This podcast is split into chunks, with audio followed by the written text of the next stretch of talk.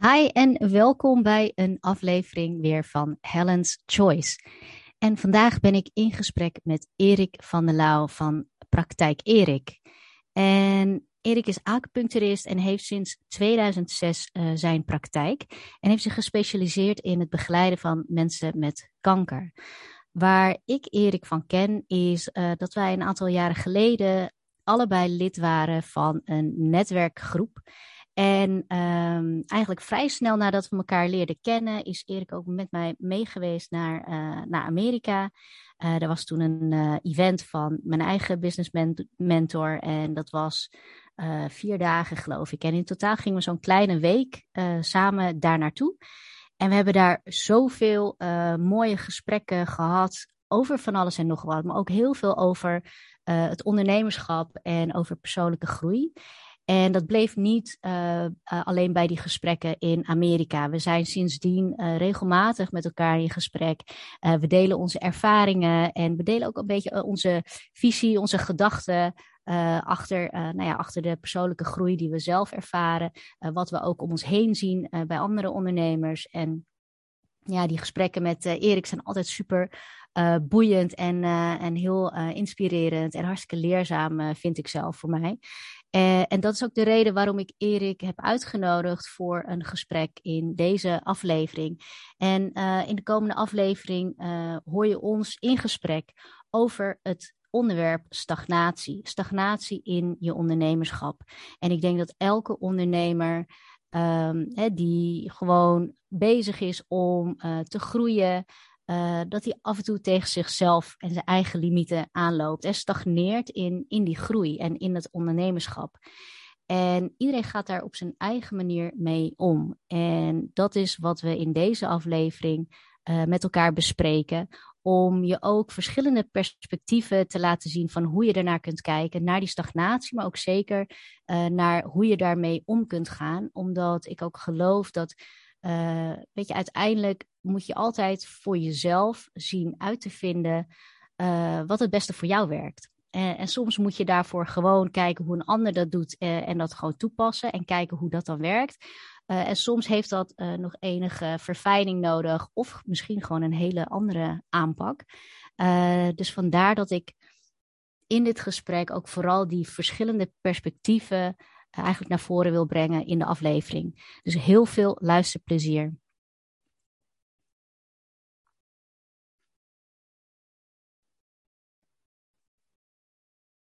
Erik, welkom in de show. Hartstikke leuk dat je vandaag in gesprek wilde met mij, zoals je wel vaker doet. Ja, klopt. Leuk. Dank je. Welkom voor de uitnodiging ook. Dus uh, ja. ik ben benieuwd. Hartstikke leuk. Hey, um, vandaag, uh, nou, we hebben het wel vaker over het ondernemerschap en eigenlijk allerlei uitdagingen die daarbij komen kijken. En um, nou, het leek mij wel leuk en jou ook leuk om het vandaag over stagnatie te hebben. En ja. toen we dat hadden besproken, dacht ik van nou, stagnatie, weet je, dat kan natuurlijk alle kanten op gaan. Ik bedoel, wat versta je eigenlijk onder stagnatie? Dus een rem op je groei als ondernemer of een rem op de groei van je bedrijf.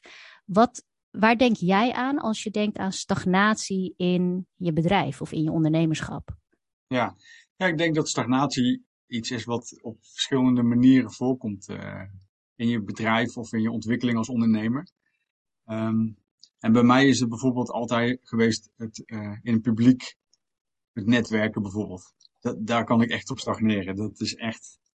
Je bent niet de enige, dat weet ik Nee, dat is echt een straf. Ik, ik, ik, ik vind het prima om één op één met mensen of met mijn klanten in de praktijk. Uh, kan ik prima eigenlijk mijn verhaal doen en lopen dingen ook gewoon goed.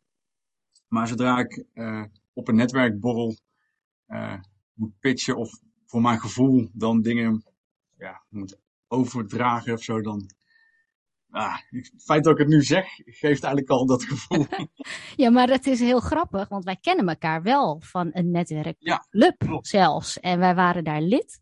Ja. En we zagen elkaar iedere week op de dinsdagochtend ja. om zeven uur. Zeven uur, juist. Was je daar aan het netwerken. Juist. En, en ik ook. En ik had eigenlijk diezelfde ja, soort horrorbeeld bij, eh, bij netwerken voordat ik daar lid werd. Maar kan je iets vertellen over wat er dan bij jou gebeurde als je dacht aan netwerk, nog voordat je daar lid werd. Want uiteindelijk ben je daar kennelijk overheen gestapt.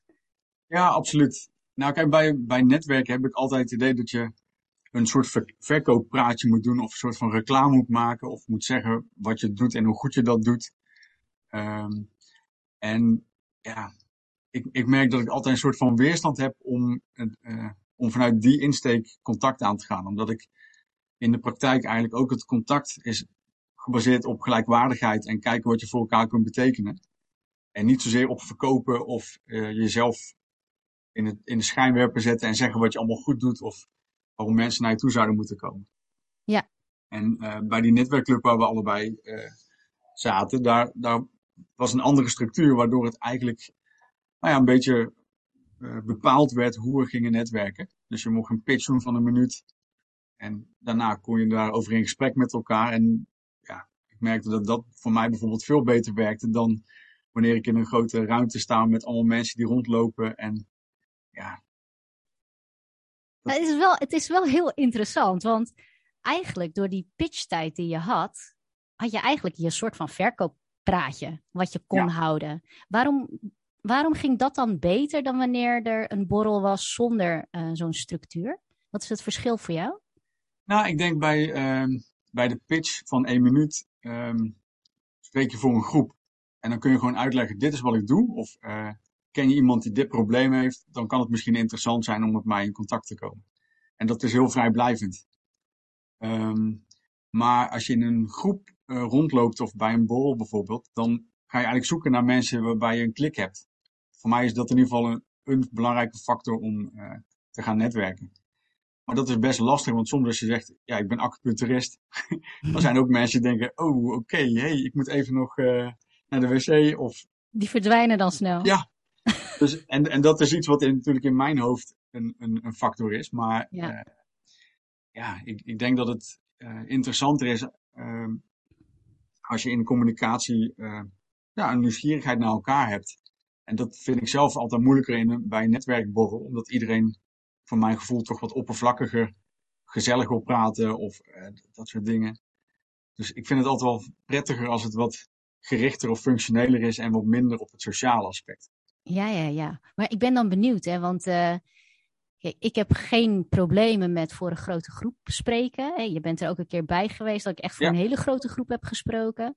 Klopt. Um, maar ik vind dat heel anders dan dat ik inderdaad, net als bij een netwerkborrel, of gewoon bij een groep waarbij er eigenlijk geen structuur is en mensen niet aan het woord worden gelaten, maar je gewoon het woord eigenlijk zelf neemt als je dat wil. Dat vind ik veel lastiger uh, en daar zal ik niet zo snel zeg maar, mijn podium pakken om dan uh, in te breken of even wat te vertellen over mezelf. Uh, en ik vind dat heel anders als wordt gezegd van... hey, wil jij eens wat over jezelf vertellen? Dus dat jou eigenlijk op die manier, soort van figuurlijk, het podium wordt gegeven. Dan vind ik dat een hele andere, voor mijzelf, een andere dynamiek. Dus de, de zichtbaarheid daarin is voor mij geen probleem. Terwijl in die andere situaties ik dat wel veel meer heb. En ik, ik denk dat een beetje te herkennen bij jou. Maar is dat een beetje hetzelfde, of niet? Ja, en voor een deel heeft het ook te maken dat ik vind het altijd gewoon interessant om iemand zijn verhaal te horen. Dus ik ben ook sneller geneigd om in de luisterhouding uh, informatie te verzamelen bij andere mensen. En niet zozeer om iets over mezelf te vertellen. Ja. Uh, dus ik denk dat dat misschien ook nog een factor is die meespeelt. Uh, waarom ik liever niet in het wild ga netwerken. In het wild. maar, maar, eigenlijk gewoon wat meer georganiseerd of, ja, of één op één. Want dan is het dan weet je ook van elkaar gewoon dat je kan uitwisselen. Ja. En met een groep is het vaak uh, toch uh, ja, het, het, woord nemen. En kijken of mensen aanhaken, dat je je verhaal kunt vertellen. Of als mensen eroverheen gaan praten, denk ik, oké, okay, dit, ja. dit, is hem toch ja. niet. Ik denk dat dat het verschil is misschien. Dan weet je niet of mensen erop zitten te wachten ja. om het te horen. En in zo'n groep, zo'n netwerkgroep waar het georganiseerd is, dan kom je daar ook om dat allemaal van anderen te horen. Is dat een verschil? Ja, ik ja. denk dat dat voor, voor, mij in ieder geval absoluut wel een verschil is. Uh, ja, ja, wat grappig. Maar hoe heb jij je daar overheen gezet? Dat je dan toch naar zo'n event bent geweest en ook echt lid bent geworden daarvan? Nou ja, kijk, uh, ik denk uh, als je je praktijk wil ontwikkelen, dan, dan zul je op vers verschillende aspecten moeten investeren als ondernemer. Je kan een hele goede acupuncturist zijn, maar als niemand weet dat je dit doet en waar je zit en bij welke problemen iemand bij jou terecht kan, ja, dan wordt het ook wel lastig om een praktijk uh, te draaien. Dus je, dus je zal ook naar buiten moeten wel om uh, bekend te maken wat je doet en, wel, en welk probleem je eventueel voor iemand op kan lossen of waar je bij kunt helpen. En heb je dat vanaf het begin van jouw praktijk gedaan, dat je ging netwerken om zo bij je klanten, nieuwe klanten te komen? Nee, eigenlijk niet, want ik, um, ik ben met mijn praktijk gestart toen ik uh, nog parttime als verpleegkundige werkte. En eigenlijk omdat ik met de, uh, de Chinese geneeskunde wilde kijken van ja, hoe werkt dat nou eigenlijk in het echt? Want we hadden met de opleiding een heleboel dingen behandeld uh, die je kunt beïnvloeden met Chinese geneeskunde of met acupunctuur. Um, maar ik had toch het idee van ja, dat is allemaal gelijkgestemde. Dus ik wil eigenlijk toch eens gaan kijken van hoe werkt dat dan als ik iemand ga behandelen die eigenlijk misschien er helemaal niet voor open staat of die klachten heeft waar die al langer mee loopt en wat niet gelijk reageert. En ik dacht toen van nou, ik, ik werk fulltime als verpleegkundige en als ik dan vier of vijf mensen per week uh, gewoon eens voor de fun uh, kan behandelen en nou ja, eigenlijk nog niet eens met het idee om er geld mee te verdienen, dan uh, kan ik gewoon eens ervaren of en hoe het werkt. Alleen toen had ik eigenlijk binnen no time zat ik op 20, 30 mensen per week. Dus het liep eigenlijk totaal uit de klauwen. En hoe kreeg je dat voor elkaar, 20, 30 per week al vanaf het begin? Het was eigenlijk allemaal mond op mond. Want ik, uh, een van mijn eerste klanten was iemand met opvliegers. En na twee behandelingen had hij eigenlijk geen opvliegers meer. Ja. En die nam gelijk alle vriendinnen die ook opvliegers hadden uit haar netwerk, die kwamen allemaal naar mij toe. ja. En uh, zo is dat een beetje begonnen. En toen, uh, dat was in 2006. En in 2008 uh, was die financiële crisis, die periode. Mm -hmm. En toen merkte ik in één keer dat het helemaal stagneerde in de praktijk. Toen had ik in één keer met moeite drie mensen per maand in plaats van 20, 30 per week. Dus toen heb ik wel na moeten gaan denken van ja, hoe kom ik dan aan mensen? Want schijnbaar ja, kan ik wel iets goeds betekenen voor iemand, maar waarom komen mensen nu niet? Ja. En dat was eigenlijk omdat ik toen alleen nog tot die tijd uh, gefocust had op wat ik zelf deed als acupuncturist. En niet per se als uh, ondernemer. Ja. Dus toen de praktijk in één keer een stuk rustiger was, toen, ja, toen ben ik al nagedenken van hoe kan dat dan? Want het stagneerde in één keer, hè? Dat, dat hadden we het net ook al even kort over. Ja. Um, en ja, toen ben ik dus achtergekomen van ja, je, je moet ook wel zichtbaar zijn. En dat mond-op-mond reclame werkt goed. Maar er zijn meerdere factoren die je natuurlijk uh, ja, kan beïnvloeden om mensen in je praktijk te krijgen. In je onderneming. Ja. Had je, heb je in die periode ook veel weerstand ondervonden om nieuwe dingen uit te proberen, nieuwe dingen te ondernemen om eigenlijk aan meer nieuwe klanten te komen? Um, nou ja, ik, ik had eerst wat frustratie over het feit dat, dat het in één keer stagneerde. Dat ik dacht, hè? Ik, ik had uh, twee jaar lang liep het eigenlijk uh, vanzelf. Voor mijn gevoel had ik ook helemaal geen moeite hoeven doen om klanten te krijgen. En in één keer uh, ja, ging ik van 20, 30 mensen per week naar nou ja, drie of vier per maand met moeite. Dus dat, dat was wel even incasseren van, ja, ben ik nou minder goed geworden in de behandelingen? Of is er iets anders waardoor dat in één keer stagneert? Um, en toen zag ik via de Kamer van Koophandel dat je als ondernemer je kon laten coachen door een andere ondernemer. En dat was een soort buddy uh, traject van een jaar. Dat heb ik toen gedaan. En toen ben ik aan iemand gekoppeld die helemaal niet in mijn branche zit. Die zat juist in de financiële wereld. Ja, en dat was heel verhelderend, want die had het er ook van, ja, allemaal leuk dat jij het met die meridianen en Chinese gedoe allemaal over hebt, maar ja, wat heb ik eraan? Even omgedraaid, ja. Ja, en toen dacht ik, ja, ik, ik praat natuurlijk alleen maar met in de taal wat ik ook tijdens de opleiding uh, met, met klasgenoten besprak. En voor ons was dat hartstikke duidelijk, maar voor mijn klanten, ja, die hadden geen idee uh, waar we het over hadden. Ja. Um, dus daar is eigenlijk wel het begin ontstaan dat ik dacht, ja, wacht even. Ik moet het eigenlijk meer gaan bekijken vanuit degene die uh, een probleem heeft. En niet alleen dat ik mijn oplossing bespreek, want ja, ik kan wel zeggen, ik ben acupuncturist of ik ben, ik ben fysiotherapeut of ik ben bakker, maar ik moet wel nut hebben om die informatie te geven. Dus de Ja. ander moet ook een probleem hebben waar, waarbij het logisch is dat hij met jou wil samenwerken om dat op te lossen. En, en wat heeft dat toen voor jouw praktijk gedaan, dat je lid bent geworden en, en bent gaan netwerken? Um, nou ja, ik, sowieso dat ik na moest gaan denken van, ja, wat, wat doe ik nou eigenlijk dan? Want ik kan wel zeggen, ik, ik geef acupunctuurbehandelingen. Maar ja, wat, wat behandel ik dan? En wie wil ik in mijn praktijk hebben? En uh, op welke manier help ik mensen daarmee dan? Dus ik ben eigenlijk uh, bij die, netwerkclub bijvoorbeeld, ja, daar ging het veel meer over. Bijvoorbeeld heb je last van hoofdpijn of migraine? Nou, dat is met acupunctuur te beïnvloeden. Nou, en dan krijg je in één keer een ander gesprek, want dan zeggen mensen, oh hoofdpijn, ja, dat heb ik, dat heb ik af en toe. En wat ja. kun je daar dan mee? En dan kom je eigenlijk in gesprek uh, op een andere manier dan wanneer ik zelf zou zeggen van uh, ik ben acupuncturist en heb je gezondheidsproblemen, dan kan ik je helpen. Ja, want dan blijf je heel erg uh, een beetje abstract, zeg maar. Gezondheidsprobleem, ja. dat is natuurlijk heel groot. En ja. dat, is een, dat vind ik altijd wel frappant. Kijk, iedereen heeft beeld, denk ik, bij gezondheidsproblemen. Alleen dan toch uh, haak je niet aan op wat jij dan zegt over gezondheidsproblemen, omdat het niet specifiek genoeg is. Nee, maar ik denk dat dat hetzelfde is uh, als wat jij misschien uh, met je onderneming merkt. Uh, ja, een succesvol ondernemer. Ja, wanneer ben je succesvol? Dat, ja. Snap je? Ja. is dat als je een bepaald bedrag verdient per maand? Is het als je een bepaald aantal klanten hebt? Of Ja. is dat als je zelf helemaal tevreden bent over hoe het gaat, ook al heb je misschien maar drie mensen per week?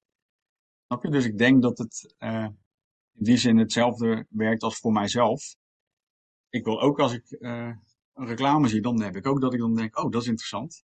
Ja. En dan pas ga je interesse tonen en onderzoeken of het iets voor mij is of niet. Uh, dus het, het, moet wel co concreet zijn en overeenkomen, denk ik, met een uitdaging of een probleem of frustratie die iemand heeft. Ik denk dat, uh, ik denk dat het een, een valkuil is voor heel veel ondernemers. En zeker als je een beetje een, nou ja, vakidioot bent, zeg maar. Je, je bent heel erg bezig met, met gewoon hè, wat je eigenlijk doet. Maar zodra je wilt communiceren richting een ander, dan krijg je al heel gauw taal. Wat gewoon ja, wel begrijpelijk is, maar het is niet specifiek. Want nu zit ik bijvoorbeeld zelf te denken aan hoe ik wel eens vertel wat ik doe. En dan heb ik het ook wel eens over, uh, weet je, dat je voldoening ervaart, bijvoorbeeld.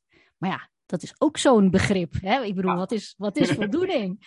heb ik daar uh, problemen mee of niet? Geen idee. Ja, en, en ik denk dat, dat waar je dan soort van, tenminste waar ik dan over na kan denken, is van ja, maar als ik het dan specifiek probeer te maken, dan, sluit, dan zijn er zoveel mensen die daar niet op aanhaken.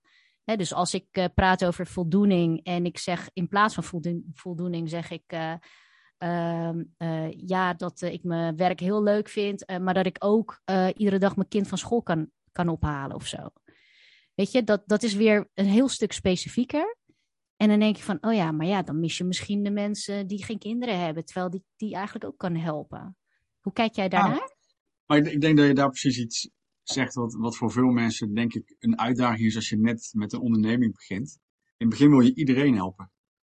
En iedereen helpen betekent eigenlijk dat het totaal onduidelijk is wie je kan helpen. Ja. Niemand voelt zich aangesproken als iedereen.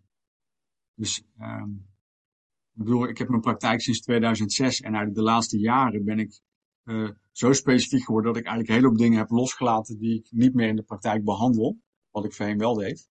En nu heb ik me volledig gespecialiseerd op oncologie en de begeleiding tijdens de behandelingen in het ziekenhuis. Ja.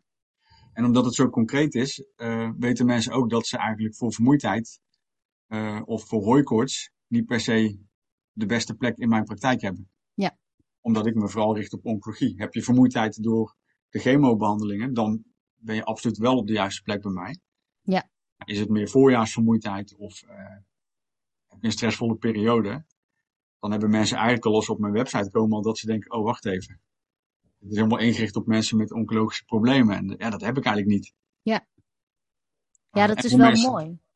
Want jij hebt, hè, jij hebt nu echt wel jouw soort van specialiteit gekozen. Um, maar ik heb heel erg van dichtbij ook meegemaakt hoe jij nog veel meer klachten kon behandelen met, uh, met acupunctuur. En daar ook over vertelde. Maar de manier waarop je daarover vertelde was destijds al heel specifiek. En ook al deed je dat, nou ja, misschien uh, om de drie weken over een ander, een ander type klacht. Wat ik dus merkte was dat ik hoorde dan bijvoorbeeld wat andere mensen daar ook over zeiden, of wat jij daar zelf over vertelde. En je had het echt over specifieke klachten als hoofdpijn of migraine of uh, rugpijn. Uh, er waren mensen die uh, um, wilden meedoen aan een marathon. En vlak van tevoren geblesseerd raakten, door jou behandeld werden en in één keer toch weer gewoon mee konden doen. Weet je, dat waren zulke specifieke dingen dat ja, ik merkte ook van, oh ja, weet je wel, maar ik wil eigenlijk, ik wil het eigenlijk ook wel ervaren, maar waar kan Erik mij mee helpen? En ik had helemaal, ik had helemaal geen, geen klachten toen. Um, maar ik ging daar wel over nadenken. Nou, uiteindelijk kon ik wel wat bedenken en heb je mij voor uh, hooikoorts behandeld. Uh, en gelukkig ook met succes, dus daar ben ik super blij mee. Ja. Maar, maar zo zie je dat je dus niet, je raakt mensen eigenlijk niet kwijt door specifiek te worden. Ik ben zelfs, zeg maar omgekeerd, op zoek gegaan naar iets waar je me bij kon helpen. En ik ben het echt bij jou gaan checken. Van, kan jij dan ook iemand helpen met? Ja, maar ik denk uh, naarmate je specifieker bent, wordt het heel duidelijk en concreet wat je doet en welk resultaat iemand behaalt. Ja. Um, en kijk, mijn website is helemaal ingericht op oncologie. Uh, ja. Maar elke dag in de praktijk heb ik mensen die zeggen: Mijn kennis heeft ook last van dit en dit en dit. Kun je daar ook iets mee? Ja. Dus het gesprek of het netwerken, als je het zo wil noemen, dat, dat gebeurt eigenlijk, eigenlijk dagelijks in de praktijk. Met name omdat ik een deel van de informatie niet op de website heb staan. Ja, precies. Ik ben heel dat duidelijk over wat ik wel doe. En dat, daar, daar ligt ook wel mijn, uh, mijn uh, passie. Dus dat Ja. is ook wel wat ik het liefst doe. Ja. Maar als iemand zegt, mijn partner of kennis heeft dit of dit, kun je daar iets mee? Dan, ja, dan kun je natuurlijk altijd over in gesprek gaan en zeggen van, nou, ik denk dat dat prima te behandelen is met acupunctuur in dit geval. Maar kun je beter naar een collega van mij gaan, die zit daar en daar. Of dat ik zelf denk, nou, dat is eigenlijk uh, prima om hier ook te behandelen. En uh, nou, soms kan iemand bij mij dan ook onder behandeling voor klachten die niet te maken hebben met oncologische problemen. Ja. Ja. Dus ik denk, uh, hoe specifieker je het maakt, hoe meer mensen doorkrijgen wat je ermee kunt. En dan gaan mensen toch kijken, maar kun je dat dan ook met dit? Ik weet niet of je dat herkent met, je, met, met coachen wat jij doet. Ja, ik denk dat je het door specifiek te worden echt makkelijker maakt voor mensen om er echt beeld bij te hebben. En ik denk, kijk, ik werk zowel met uh, mensen die een carrière switch willen maken en ja. uh, eigenlijk gevestigde ondernemers die verder willen groeien. Maar ook dat is natuurlijk best wel een breed begrip. Hè? Ik bedoel, over wat voor groei heb je het dan? En heel specifiek word ik daar niet echt over.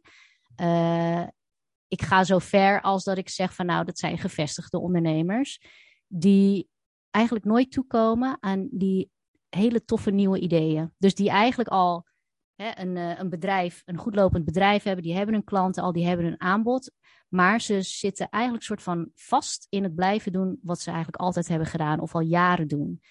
En die willen heel graag ruimte maken voor een nieuw idee. Of dat nou is dat ze een boek willen schrijven, of dat ze workshops willen geven en op die manier hun kennis willen gaan delen en verkopen. Of dat ze nou een nieuwe doelgroep willen aanspreken. Dus het gaat me niet zozeer om wat dat nieuwe idee dan is, maar het gaat me er meer om dat mensen het gevoel hebben dat ze vastzitten, omdat ze het zo druk hebben met uh, nou ja, het doen wat ze iedere dag doen, dag in dag uit en jaar in jaar uit.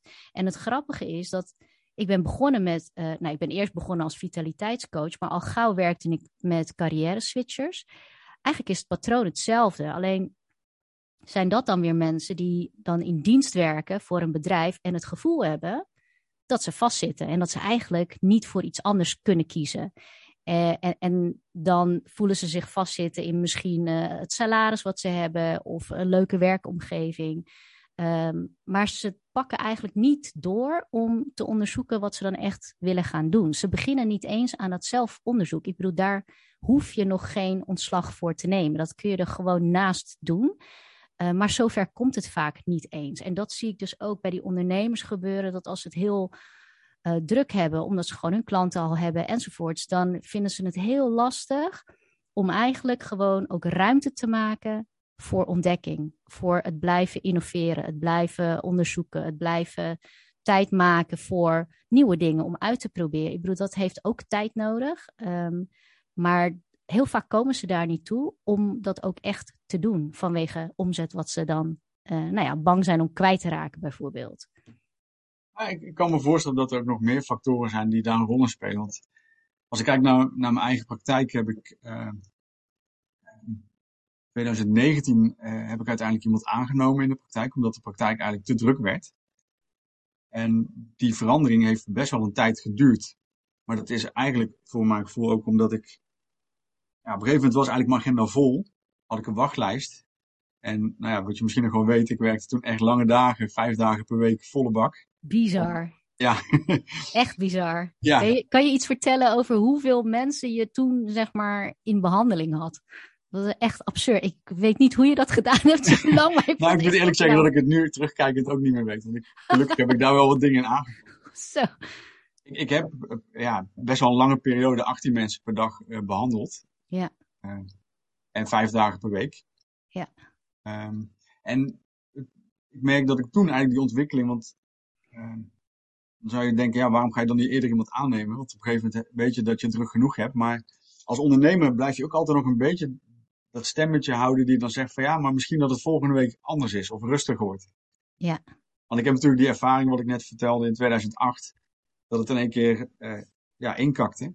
Mm -hmm. Ja, die hou je ook in je achterhoofd. Dus ik kan wel nu uh, 18 mensen per dag behandelen, een bewijs van spreken. Maar ja, als volgende maand in één keer door wat voor reden dan ook uh, er weer iets verandert, ja, hoe weet ik dan of, of dat nog steeds is? En als ik iemand aanneem, ja, komen er ook een hoop zorgen en kosten bij kijken, los van dat het me ook enorm kan helpen.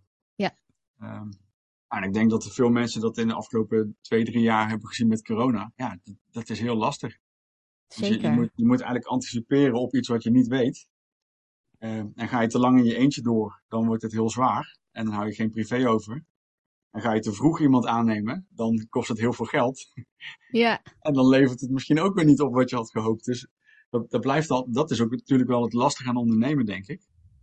Um, dus soms zit de stagnatie denk ik ook wel in uh, ja, de, de, keuze durven maken met of je ook echt door wil groeien. Ja. Want op het moment dat ik uh, iemand aannam, ging, werd de praktijk eigenlijk nog steeds, werd eigenlijk nog iets drukker. Omdat ik een deel kon uitbesteden, kwam er eigenlijk weer wat ruimte in de agenda. Maar ik ben wel heel benieuwd, hè, want dit is denk ik voor heel veel ondernemers ook wel interessant. En ik, ik moet ook gelijk denken aan een aantal van mijn klanten die ook op dat punt staan van alleen werken naar een team opbouwen. Uh, en dan weet ik, de gesprekken gaan daar al over dat ze dat graag willen. Uh, en daar maken ze ook stappen in. Maar ik ben benieuwd, hoe was dat bij jou? Wat heb jij destijds nodig gehad om die stap voor jezelf te maken? En de beslissing om dat ook echt te gaan doen? Nou, ik, um, ik, ik heb eigenlijk op een gegeven moment wel een keuze gemaakt, een beetje gebaseerd op financiën. Dus ik heb eigenlijk gekeken van wat kost het om iemand in dienst te hebben? En wat levert het mij op? Maar, maar dat is eigenlijk iets wat ik in mijn hele carrière met de praktijk al vaker heb gehad. Want in het begin deed ik mijn administratie zelf. Dat ik uh, nog uh, in het weekend of uh, aan het eind van het jaar met kerst met allemaal bonnetjes en facturen en mappen uh, alles zelf te doen. Omdat je dan denkt, ja, zo'n boekhouder is hartstikke duur. Tot ik op een gegeven moment doorkreeg van ja, als ik al die uren reken dat ik daarmee bezig ben en ik kijk wat ik normaal gesproken per uur uh, verdien. Ja, dan is het eigenlijk goedkoper om iemand in dienst te nemen of om het uit te besteden, dan ja. dat ik het zelf doe.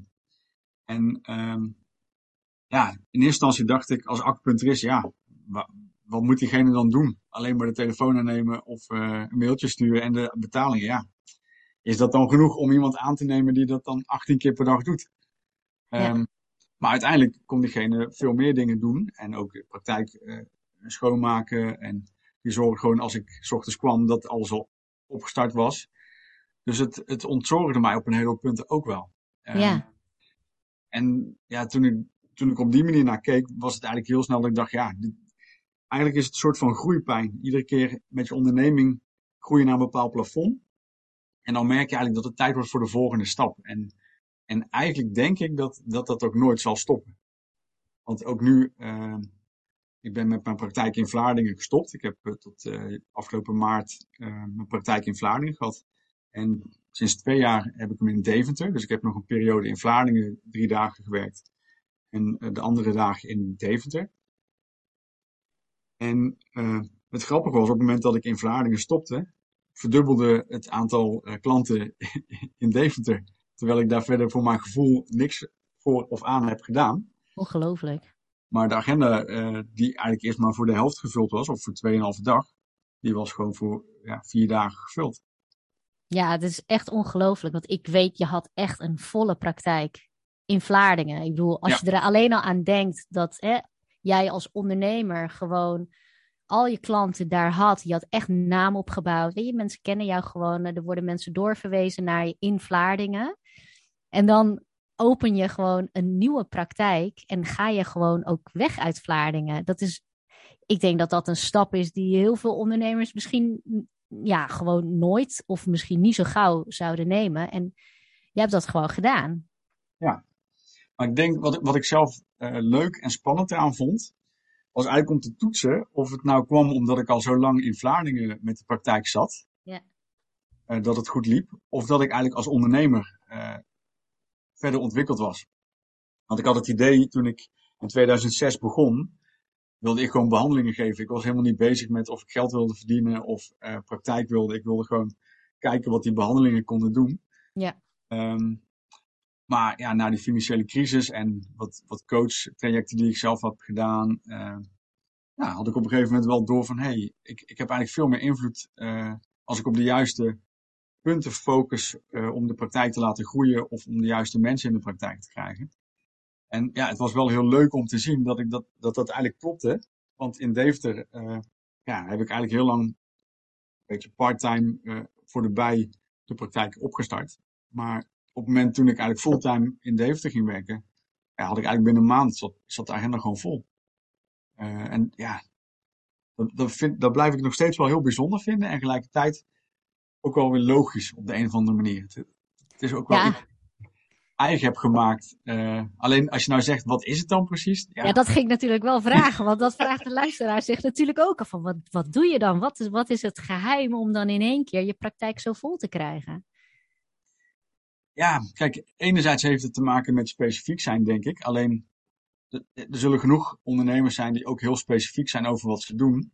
En toch niet per se uh, genoeg opdrachten binnenhalen of genoeg omzet draaien om uh, de praktijk verder te laten groeien. Maar ik denk dat het, uh, wat bij mij in ieder geval zeker een rol heeft gespeeld, is de focus op mijn klanten. En niet op wat ik wil doen, maar eigenlijk wat de klanten willen dat ik doe. Dat, dat is wel een belangrijk. Mhm.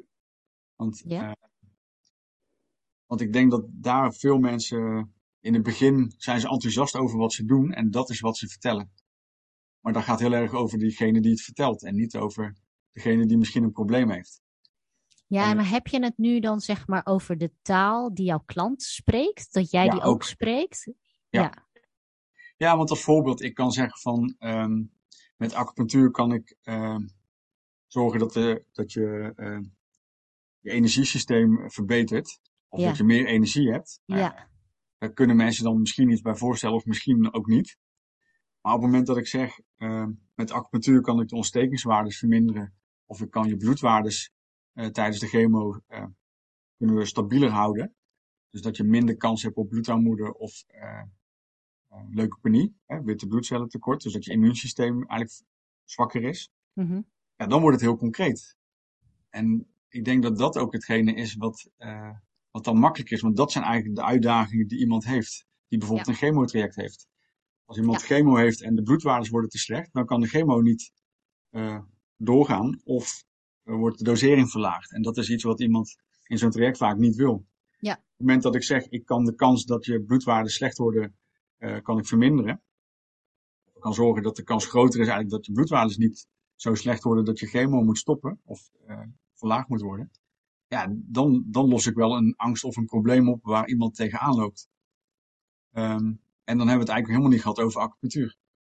Nee, nee, inderdaad. Want eigenlijk gaat het daar niet over. Nee, dus... Maar dan kan je nog zo specifiek zijn en de taal van de klant spreken. Dan weten ze nog niet dat je bestaat in Deventer, waar je eigenlijk gewoon nieuw bent. Ja, en het grappige is dat ik uh, heb gemerkt, de, het moeilijkste is eigenlijk de eerste klant krijgen. Als je eenmaal één klant hebt, is in mijn, voor mijn gevoel is, is het dan niet meer zo moeilijk, want ik weet wat ik met mijn behandelingen kan. En als je één iemand kunt behandelen, en die is tevreden, dan gaat hij automatisch uh, tegen iemand anders ook zeggen die mogelijk hetzelfde heeft. Van nou, misschien moet je eens naar Erik. Ja.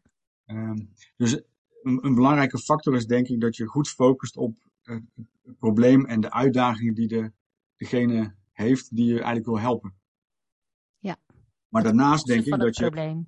Ja, en daarnaast denk ik dat je uh, veel moet investeren om alle drempels of uitdagingen voor iemand om het niet te doen, dat je die zoveel mogelijk wegneemt. En wat bedoel je daar nou mee bijvoorbeeld? Nou, ik, uh, ik, ik, ken wel een aantal collega-ondernemers die eigenlijk uh, hartstikke deskundig zijn, hartstikke goed resultaat boeken met hun behandeling of met hun diensten. Maar waarbij het heel moeilijk is om contact met ze te krijgen. Dus als je een mailtje stuurt, duurt het soms een week of twee voordat je een antwoord Oh krijgt. ja, ja. De voicemail inspreken, dan vergeten ze terug te bellen of, uh, of pas na drie dagen. Ja. En ik denk zelf, uh, ja, als, je, als je daar voor jezelf een, een richtlijn in stelt. Ik heb bijvoorbeeld altijd dat ik vind dat ik binnen 24 uur wil reageren. Ja. Nou, en in het begin houdt het ook in dat je dus ook in het weekend, als ik op vrijdagavond een mailtje krijg, dat ik dus nog steeds voor zaterdagavond eigenlijk wil antwoorden. En Ja. dat is in het begin voelt het een beetje, dat ik denk, ja, ik heb weekend, ik ga maandag wel kijken. Ja, Maar ja, die uh, beschikbaarheid voor de ander, dat, dat zorgt er ook voor dat iemand makkelijk door kan in zijn proces. Want ik heb um, in het begin, bijvoorbeeld toen ik daar nog niet zo mee bezig was of niet bewust van was, dan had ik wel eens mensen die dan uh, een mailtje hadden gestuurd en dan dacht ik, ah, dan ga ik morgenmiddag even antwoorden. En dan antwoordde ik en dan kreeg ik het antwoord terug, ja, ik heb net al contact gehad met iemand anders, want ik had naar een aantal mensen een mailtje gestuurd en die ander was eerder. oh ja, ja, ja. En dan gingen ze eigenlijk naar die collega toe. En niet vanwege de expertise of omdat ze daar een beter gevoel bij hadden, maar eigenlijk omdat die eerder reageerden. Ja. Dus toen ik dat een beetje doorkreeg, dacht ik, ja, daar, daar kan ik natuurlijk wel winst pakken. Want dat is iets wat ik heel makkelijk kan beïnvloeden. Mm Uh, en wat ook niet veel tijd hoeft te kosten. En zeker als je uh, tegenwoordig gebruik kunt maken van heel veel software die dingen voor je doet. Ik heb een online agenda. Nou ja, volgens mij één klik op me in een app en iemand zijn afspraak is bevestigd, krijgt een bevestigingsmailtje. Gaat allemaal Ja. vanzelf. Dus dat maakt het eigenlijk veel makkelijker en veel toegankelijker om snel door te kunnen pakken als iemand interesse toont. En dat is mogelijk ook de uitdaging die, die sommige mensen misschien met ondernemen hebben. Dat ja, als je niet in dat tempo mee wil, of kunt, Mhm. ja, dan verlies je het omdat er genoeg ondernemers zijn die wel in dat tempo mee kunnen of willen. Ja. En die, en die misschien minder kwaliteit hebben of minder goede producten of diensten, maar die het wel gewoon zorgen dat, dat ze beschikbaar zijn. Ja, precies. Ja, die, die regelen eigenlijk dat alles soepel verloopt, dat het hele proces eigenlijk gewoon goed verloopt. Ja, of als iemand op je website niet een e-mailadres of een telefoonnummer kan vinden en daar te lang naar moet zoeken, ja, dan klikt iemand weg. Ja. Dus Ja. ik denk als je, als je die twee dingen goed in balans hebt, dus dat je en zorgt dat je ja, gewoon goede kwalitatief eh, product of dienst aanbiedt en gelijkertijd zorgt dat je ook goed beschikbaar bent, dan, Mhm. eh, dan, dan pak je denk ik al heel veel mogelijkheden die eh, voor een hele hoop mensen, ja, waar ze eigenlijk voorbij lopen dat ze niet eens doorhebben dat die kansen er zijn. Maar hoe, hoe zijn mensen over jou te weten gekomen? Nou, eigenlijk door, door de ervaring tijdens de behandeling. Dus eh, het heeft ook te maken met uh, welke informatie geef je eigenlijk en hoe begeleid je iemand bij zo'n traject. Je kan wel zeggen, ja, acupunctuur, dat is naaltjes in iemand prikken en iemand moet een half uur of drie kwartier liggen.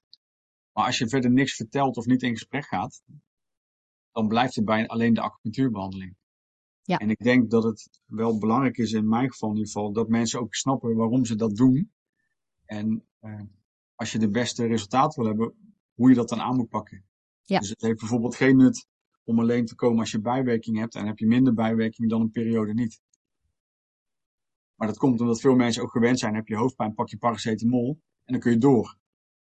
Uh, heb je geen hoofdpijn, ja. nou, dan pak je geen paracetamol. Dus waarom zou je acupunctuurafspraken inplannen als je geen last hebt?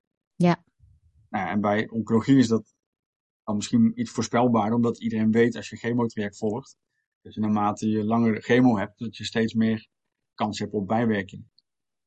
Uh, maar daar moet je eigenlijk wel mensen in meenemen, omdat sommige mensen, die hebben die ervaring niet, die beginnen aan de eerste chemo en die weten eigenlijk helemaal niet wat ze te wachten staat. En op het moment dat ik hun dan eigenlijk in een vroeg stadium al uit kan leggen van nou, dit is eigenlijk wat er de komende maanden of weken kan gaan gebeuren. Uh, en dit is wat ik voor je kan betekenen.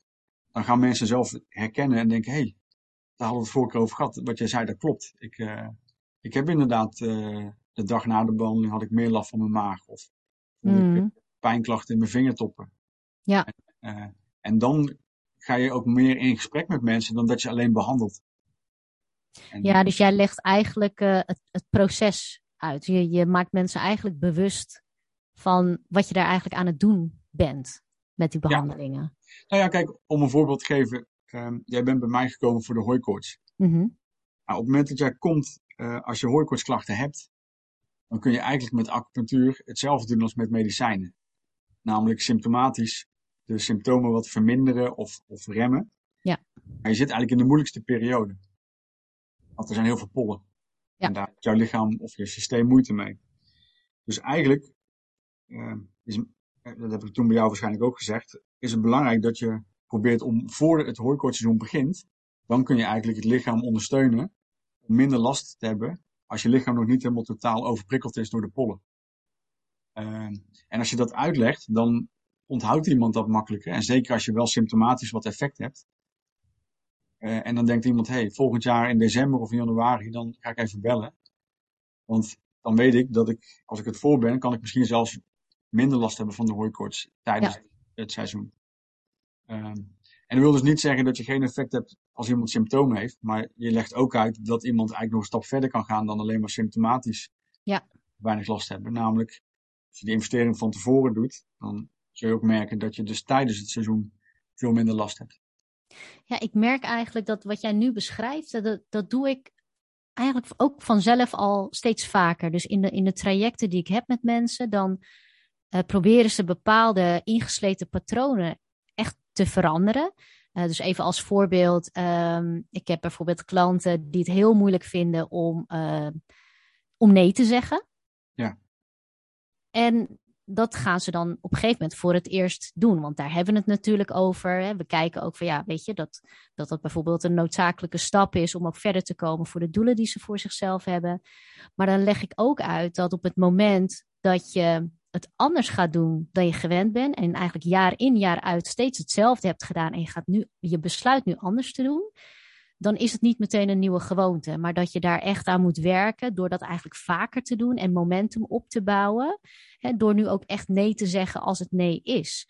En ik merk dat doordat ik die uitleg ook meegeef, uh, dat mensen dat ze dan ook makkelijker bewust zijn in hun dagelijkse praktijk dat ze dat weer een keer hebben gedaan. En zo van, oh ja, weet je, het kan wel. Het is, het is lastig en ik moet me daar heel bewust van zijn. En, maar als ik het doe, dan, en ik doe dat vaker in de komende tijd, dan wordt het ook makkelijker om het in de praktijk te herkennen wanneer ze eigenlijk weer geneigd zijn om het op de oude manier te doen. Ik denk dat dat ook het effect is van dat je meer uitleg geeft over wat je nou eigenlijk aan het doen bent in die nou ja, in, bij mij zijn dat dan coaching sessies, maar ook bij jou zijn dat dan behandelingen.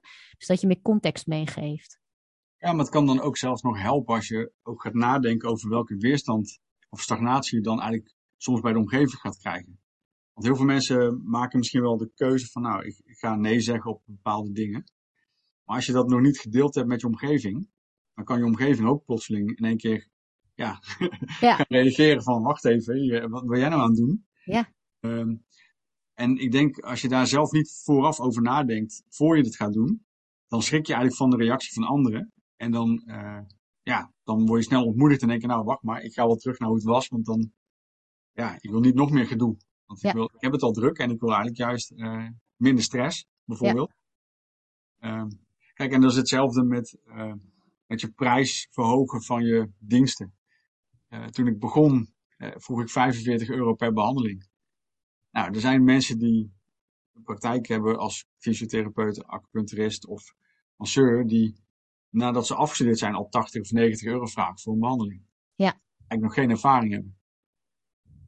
En ja, ik heb nu pas geleden weer mijn prijs dan verhoogd.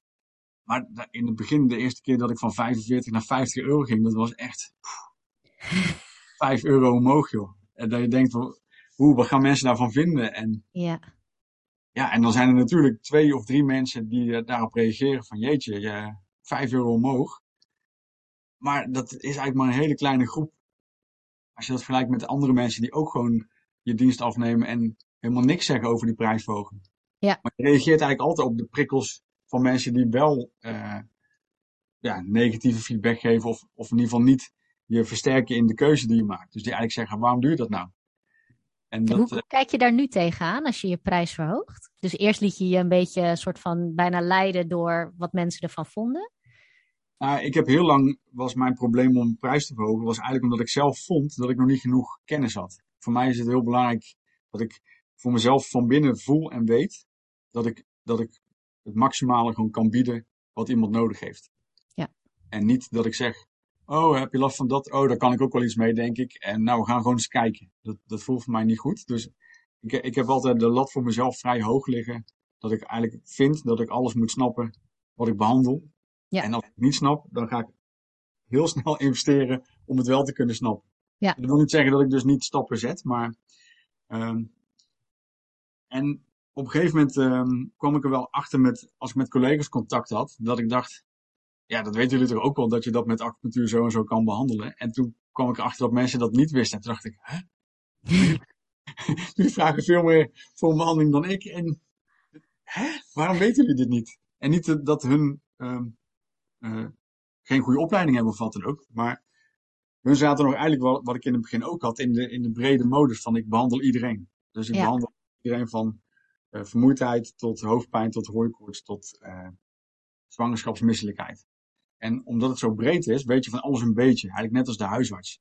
Maar zodra het dan complexer wordt, dan moet de huisarts ook doorverwijzen naar een specialist. Ja. En uh, nou ja, voor mijzelf hielp het wel door op een gegeven moment te denken, ja wacht even, ik ben niet de huisarts, ik ben eigenlijk die specialist. Ik wil niet van alles een beetje weten. Ik wil gewoon van één onderwerp alles weten. Ja. Toen ik die keuze maakte, toen werd het ook makkelijker om mijn tarief daarbij te laten aansluiten. Ja. Met name ook omdat de resultaten gu- gunstig of goed waren. Ja. Dat is natuurlijk wel een belangrijke factor.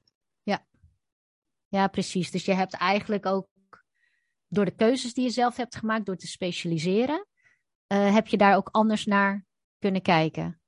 Ja, want ik, ik weet nu dat ik uh, genoeg weet om uh, mezelf gespecialiseerd in oncologie te noemen. Mm. Waarmee ik niet wil zeggen dat ik alles weet. Maar ik weet bovengemiddeld, als ik Ja. in de acupunctuurgroep kijk, wat de mogelijkheden zijn met acupunctuur. Ja. Um, en ik ben nog steeds elke dag hartstikke nieuwsgierig om nieuwe dingen te leren, te ontdekken. Ik, ik volg de literatuur ook enorm goed. Uh, want ik wil op de hoogte zijn wat mijn klanten eventueel meemaken of te horen krijgen of bespreken met een arts. Ja. Als er een nieuwe behandelvorm is uh, die experimenteel is, ja, dan is het voor mij belangrijk om me daarin te verdiepen hoe dat werkt. Omdat ik dan ook weet wat ik eventueel wel of niet met acupunctuur kan doen om te ondersteunen. Ja. Uh, en, en dat is denk ik ook wat klanten, uh, of dat hoop ik dat klanten dat in mij waarderen, dat, dat ik altijd wel duidelijk ben wat ik kan en vooral ook wat ik niet kan. Ja, ja want toen jij zei van, uh, dat je altijd vond dat je niet genoeg wist, dacht Ja. ik zo, dat is, dat is denk ik een valkuil van, van heel veel Ja. ondernemers of zo. Of weet je, de, de, de mensen die eigenlijk altijd aan het leren zijn en cursussen volgen en, en, en nieuwe opleidingen doen. En ik heb dat zelf ook, weet je, ik heb altijd het idee van, oh weet je, daar wil ik meer van weten. Uh, en eigenlijk door meer te leren weet je ook dat je eigenlijk heel veel dingen niet weet. Ja, klopt. Maar ik, ik denk wat, wat kan helpen is dus er eigenlijk vooral in, in de diepte te gaan en niet in de breedte. Je? Als acupuncturist, wat ik net al als voorbeeld gaf, als ik als huisarts ga kijken, dan moet ik van alles een beetje weten. Ja. Dan ben je dus eigenlijk nooit goed genoeg dat je kunt zeggen, nu weet ik genoeg om van alles een beetje te weten. Want er, Ja. er zijn zoveel gebieden binnen de gezondheidszorg waar je mogelijk met acupunctuur iets zou kunnen doen. Uh, ja, dat je eigenlijk nooit goed genoeg bent om te zeggen, oké, nu, nu ben ik goed genoeg. Ja, Eh, maar eigenlijk, je- eigenlijk zeg je dan, tenminste zo, zo hoor ik dat, dat, dat het er, het zit hem er dan in dat je je niet, dat je ervoor kiest om niet te specialiseren en dat maakt dat je altijd het gevoel hebt dat je niet genoeg weet, omdat je de breedte ingaat en eigenlijk niet voldoende Ja. kiest misschien. Nou, het, is een beetje en-en. Kijk, het- de uitdaging is denk ik ook voor ondernemers dat ze vaak iemand anders nadoen. En als ik kijk binnen de acupunctuurwereld, dan hebben we eigenlijk als acupuncturisten over het algemeen allemaal dezelfde website. Met een hele hoop tekst over de, de geschiedenis van acupunctuur, de meridianen, yin en yang theorie, eh, het lijstje van de World Health Organization met welke klachten we allemaal kunnen behandelen. Ja. Maar dat zegt eigenlijk niks, want iedereen heeft dat. En eigenlijk wil je als acupuncturist ook niet buiten de boot vallen. Dus eigenlijk neem je dat ook over. Dus ik had in het begin ook al die informatie. Ja. En nu staat er eigenlijk veel minder over acupunctuur op mijn website en eigenlijk veel meer over de uitdagingen die iemand heeft tijdens een oncologietraject. En welke rol uh, ik daar eventueel in kan, uh, wat ik kan betekenen voor iemand in dat traject. Ja. En acupunctuur wordt eigenlijk, het wordt wel genoemd, maar het is zeker niet uh, een heel boekwerk over wat acupunctuur allemaal kan. Ja. Dus ik denk dat dat uh, ook wel. Dus soms heeft het ook te maken met dat je eigenlijk niet beter weet, omdat je doet wat iedereen doet in je, in je branche. Als je begrijpt wat ik bedoel. Misschien ja. ken je dat ook binnen de, de coachwereld. Alle coaches hebben ook allemaal, je moet een privé-sessie hebben. Je moet. Uh, uh, allemaal hetzelfde. ja, niet allemaal hetzelfde, maar. En het, en het is heel moeilijk om, het is heel moeilijk om daarvan af te wijken en eigenlijk te zeggen: ik, ja, ik, ik ga het anders doen. Ik, ik richt Ja. me alleen op dit stuk. En Ja. eh, Het is, ja, en, en eigenlijk nu we het hierover hebben, denk ik, jeetje, dat is, dat is eigenlijk ook weer een ander onderwerp, wat ook super interessant is om het er een keer over te hebben. En dat is Ja. keuzes maken. en daar hebben we het natuurlijk ook vaker over gehad. En daar, daar verschillen wij ook eh, best wel in, in, eh, in hoe wij dingen doen, zeg maar. Ehm, en dat lijkt me ook een, eh, een heel leuk onderwerp om apart in een andere aflevering daar nog een keer over te hebben. Ja. Ehm, dus ik denk dat dit een mooi moment is om deze aflevering een beetje te gaan eh, afronden. We hebben het gehad over stagnatie eigenlijk in verschillende vormen. Is er nog iets wat jij nou ja, ter afsluiting nog zou willen delen met de luisteraar? De ondernemer die bijvoorbeeld vastloopt in, in het ondernemen? Nou ja, kijk, soms kun je gaan onderzoeken en analyseren tot je een ons weegt. Maar het is vooral eigenlijk kijken eh, met hoe je totaalplaatje, hoe je wil dat het totaalplaatje eruit ziet. Dus als je een tevreden klant wil, wat moet je dan allemaal doen om dat te bereiken? En ik denk als je dat goed helder hebt, dan kun je eigenlijk ook je, je praktijk of je onderneming laten groeien zonder dat je per se heel veel marketing of social media posts of advertenties nodig hebt. Want ik denk dat dat ook een, misschien een misvatting is. Dat tegenwoordig lijkt het wel als je wil groeien met je bedrijf, dan moet je iets met advertenties doen en moet je iets met marketing doen. Heb je geen marketing of geen advertenties, dan kun je eigenlijk niet groeien. Ja. Ehm, en nou ja, het interessante vind ik dat het me tot nu toe, sinds 2006, altijd gelukt is zonder advertenties en zonder marketing. Ik bedoel, Ja. ik heb een Facebook-account, maar als je kijkt, dan zie je dat het misschien vijf posts per jaar zijn of zo Ja, ook eigenlijk nog niet eens heel veelzeggend. Ehm dus ik denk als je goed focust op je, op je klanten en ook eigenlijk zorgt dat je het laagdrempelig maakt voor mensen om met je samen te werken. Dus dat het heel makkelijk is om eh, met je samen te werken en dat je beschikbaar bent. Dan denk ik dat je eigenlijk al het belangrijkste deel voor je onderneming eh, op orde hebt om te kunnen groeien. Ja. Zou je dan ook nog marketing of advertenties doen, ja, dan gaat het twee keer zo snel. Ja. Als je, als je die eerste twee dingen niet geregeld hebt, dan kun je heel veel advertenties nemen. Maar dan raak je mogelijk ook heel snel gefrustreerd, omdat je denkt, ja, ik heb nu 400 euro aan advertenties gedaan, maar ik heb eigenlijk, eh, ik heb al acht gesprekken gehad voor mensen die interesse hadden, maar uiteindelijk is er maar één iemand die een afspraak heeft gemaakt. Ja, precies. Dus eigenlijk zeg je, even samenvattend, van hè, als je soort van overweldigd wordt door wat je eigenlijk te doen hebt voor je bedrijf en de verdere groei van je bedrijf, eh, Ja. breng het dan terug tot het allerbelangrijkste. En dat is eigenlijk richt je op het oplossen van het probleem van je klant. Juist. En, Ja. en ook van, hoe kun je dat zo makkelijk mogelijk voor die ander maken? Ook al heeft die ander nog niet door Ja. dat hij dat probleem heeft. Precies. En waar kunnen mensen jou vinden als ze jou willen volgen of meer van jou willen weten? Eh, nou, ik, ik ben actief bezig om op Instagram ook wat, eh, wat meer zichtbaar en, eh, en dergelijke te zijn. Dus Praktijk Erik op Instagram en eigenlijk ook op Facebook. Dus Ja. mocht je me willen volgen of informatie willen, dan kun je op Instagram en op Facebook bij Praktijk Erik met CK kun je me vinden. En ik denk Ja. dat jij misschien ook al bij de podcast informatie hebt staan. Zeker. Het staat ook in de show notes inderdaad. Praktijk Erik op Instagram en Facebook. Erik, onwijs bedankt voor dit gesprek. Ja, wederzijds. eh, hè. De volgende hopelijk nog meer. Is goed, gaan we doen. Dus eh, hartstikke bedankt. Alright. Fijne En avond. jij bedankt voor het luisteren.